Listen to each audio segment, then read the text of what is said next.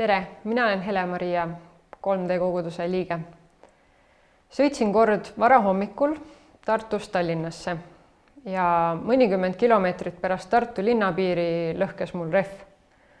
paduvihma sadas, õnneks midagi hullu ei juhtunud, sain tee äärde pidama. aga katkine ratas vajus seal mutta lootsin, et äh, leian tee pealt mõne abilise, liiklus oli väga tihe ja äh, panin siis ohutuled tööle, ohukolmnurga välja ja läksin auto juurde hääletama. ja mitte keegi ei peatunud. ma olen pärast seda päeva mõelnud üsna palju sellele, et äh, see sümboliseerib sellist eestlase tüüpilist eluhoiakut, et äh, ma tegelen oma asjadega, võib-olla oma pere ja, ja lähedaste asjadega ka, aga võõraid äh, ma ei aita, sest miks peakski? miks ma peaks kulutama oma närve, oma aega ja raha kellegi peale, kui ma isegi ei tea äh,, kuidas tema mind kohtleb või kas tema mulle saab kasulik olla? usun, et olenemata sellest, kas sina oled kristlane või mitte, tead sa, et kristluses on väga oluline armastada oma ligimest. aga kes on see ligimene? no paljud erinevatest maailmavaadetest inimesed kindlasti ütlevad, et ja, ja et omasid tuleb ikka hoida. aga mida täpselt äh, mõtles Jeesus, kui ta selle ligimese käsu, äh, ligimese armastamise käsu meile tõi? Jeesus jutustas ühe loo selle näitlikustamiseks.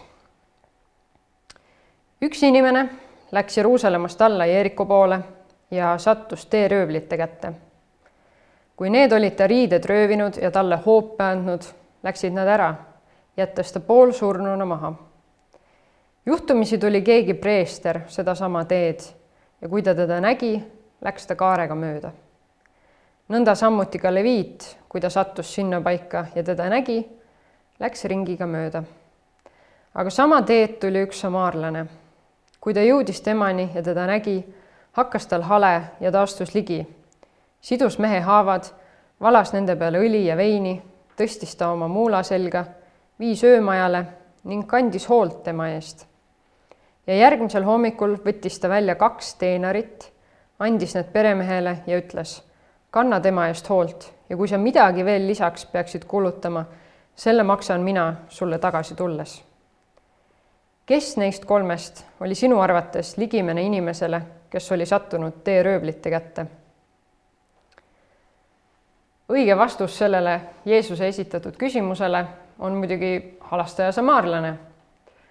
aga ma tahan su tähelepanu juhtida veel millelegi. me näeme siit loost, et samaarlane jättis oma teekonna pooleli. ta jättis oma sihid, oma eesmärgid ootele, et aidata põhivõõrast. olgem ausad, ta jäi kõvasti hiljaks sinna, kuhu ta oli minemas ta oli kohale jõudes vaesem ja ta oli vastutav ka edasiste ravikulude eest. miks peaks keegi midagi nii rumalat üldse tegema?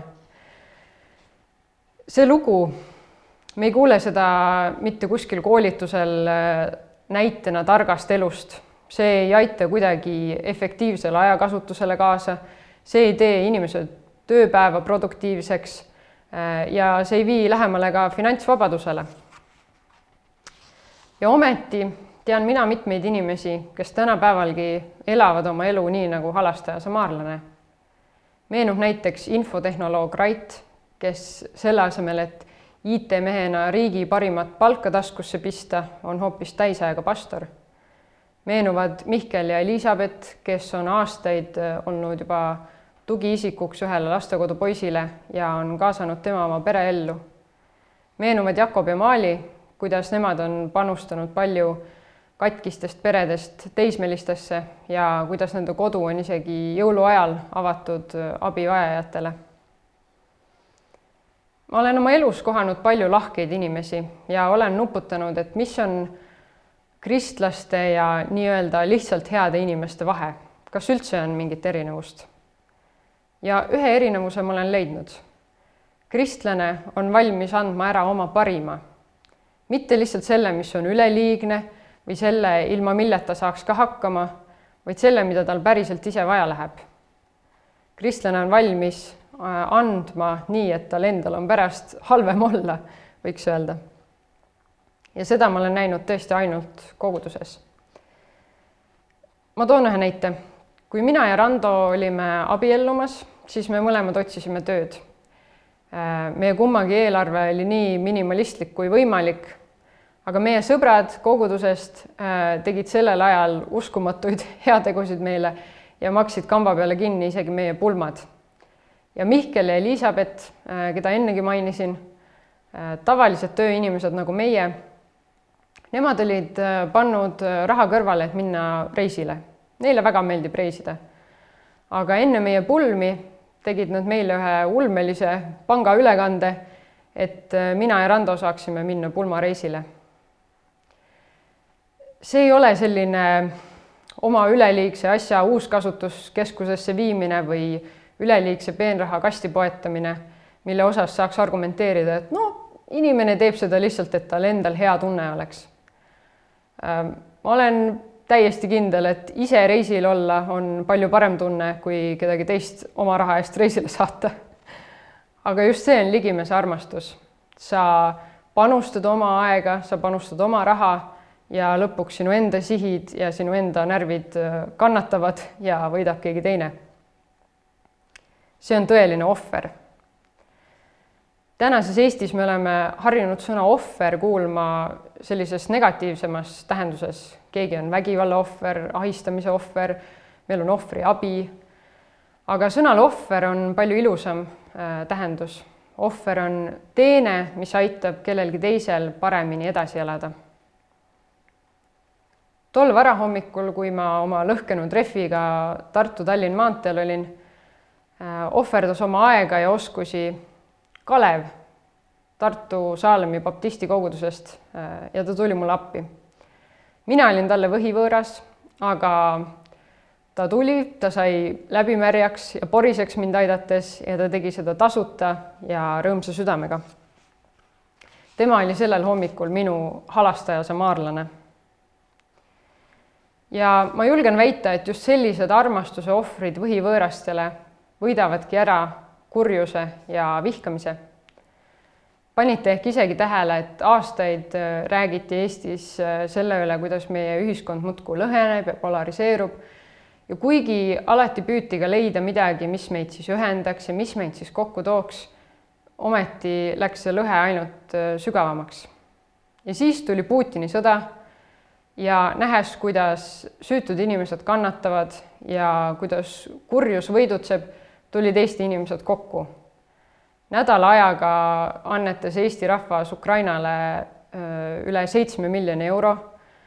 kolm tuhat inimest avaldas huvi Kaitseliitu astuda, tuhat viissada Eesti inimest andis ennast vabatahtlikuks pagulasabile kolmkümmend tuhat eh, eestimaalast tuli kokku Vabaduse väljakule, et eh, oma poolehoidu avaldada ukrainlastele.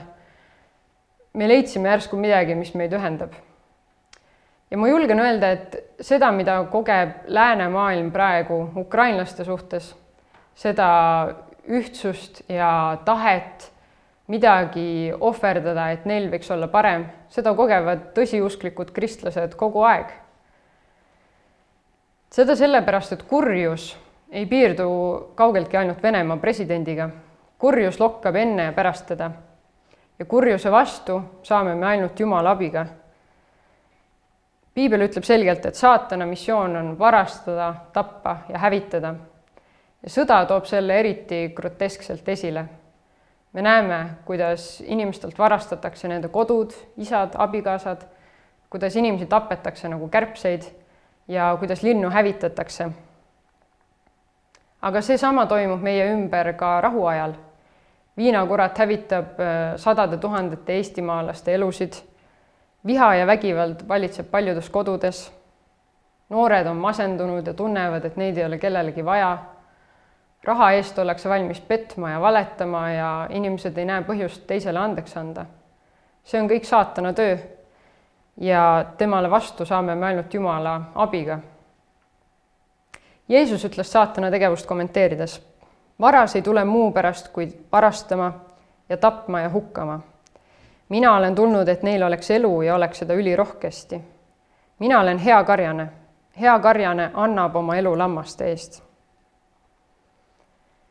Täiuslik eeskuju armastuse ohvrite jaoks ongi Jumal ise, kes tuli Jeesuse isikus meie juurde ja andis oma elu meie eest. ta murdis kurjuse nõiaringi sellega, et ta andis armu inimestele, kes ei saanud talle midagi vastu anda ja kes justkui polnud seda väärt, kes polnudki armu kunagi kogenud kui me vaatame sõda ja kannatusi ja küsime, et kus on Jumal, siis otsigem ennast ohverdavaid aitajaid. Just nende kaudu tegutseb Jumal ka kõige koledamates kohtades. olen sellistest inimestest mitmeid lugusid lugenud hiljuti Christianity Today'st. üks neist on näiteks kahekümne kuue aastane Anatoli Irpini piiblikogudusest ta aitas võõrastel evakueeruda läände ja oli parasjagu tassimas ühe ema ja tema laste kohvrit, kui ta sai pihta Vene raketiga ja suri. ja Anatoli pastori sõnul oli Anatoli juba enne sõda inimene, kes alati märkas abivajajaid ja, ja püüdis neid aidata. suure kurjuse keskel on armastuse ohvritel väga kõrge hind, tihtipeale elu hind. aga just niimoodi võidab headus kurjuse.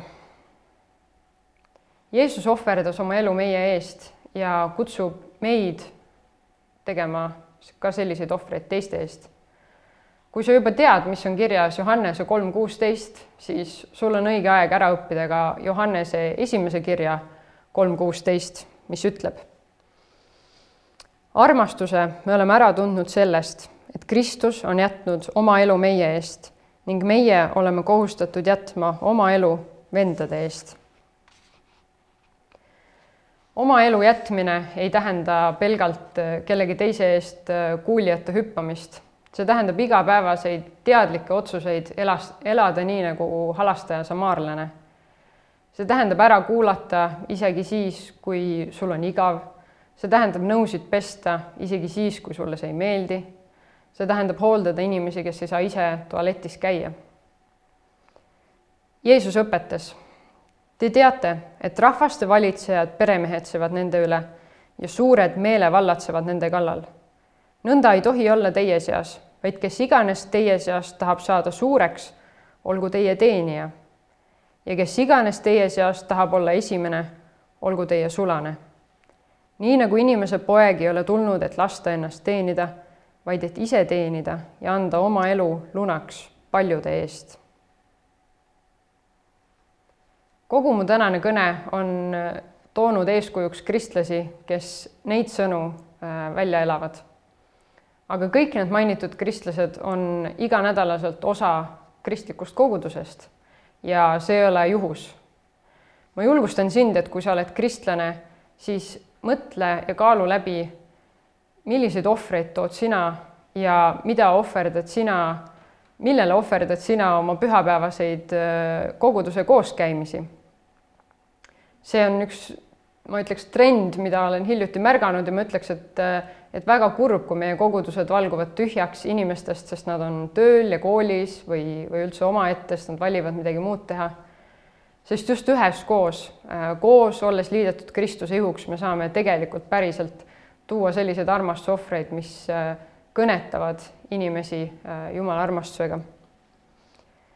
kui sa ei ole kristlane, siis äh, tõenäoliselt mõtled sa või oled vähemalt kuulnud, et kristlus on üks mõttetu piirangute kogum. mul on sulle üks uudis. me oleme kõik piiratud inimesed. igal maailmavaatel on omad ohvrid ja iga jah on millelegi muule ei. kui sina ütled Kristusele ei siis ütled sa ei isiklikule suhtele elava Jumalaga. ja sellega kaasneb väga palju kaotusi. Sa ei saa kunagi tunda Jumalat, kes lõpuks pühib ära iga pisara äh, inimese silmist, kes viib sind igavikku, kus ei ole enam leina ega valu ega kisendamist. sa ei saa kunagi siis kogeda, mida tähendab kellegi eest palvetada ja näha, et äh, Jumal vastas sellele palvele sa ei saa teada, mida tähendab ühiskondliku kaose või isegi sõja keskel usaldada Jumalat äh, ja seda, et tema sind varustab sellega, mida sa vajad. Ja isegi, kui siinses elus tuleb kannatada, sind ootab ees igavik koos täiusliku Jumalaga. sul on täna võimalus võtta Kristus vastu ja võtta vastu tema ohver ja tuua oma elu ohvriks inimeste heaks. kui sa oma suuga tunnistad, et Jeesus on issand ja oma südames usud, et Jumal on ta üles äratanud surnuist, siis sind päästetakse. Soovin sulle viljakat arutelu kogukonna keskel ja seda, et kui sa täna vaatasid seda videot üksi, sa võiksid juba järgmisel nädalal olla osa mõnest kogudusest. rahu ja lootust sulle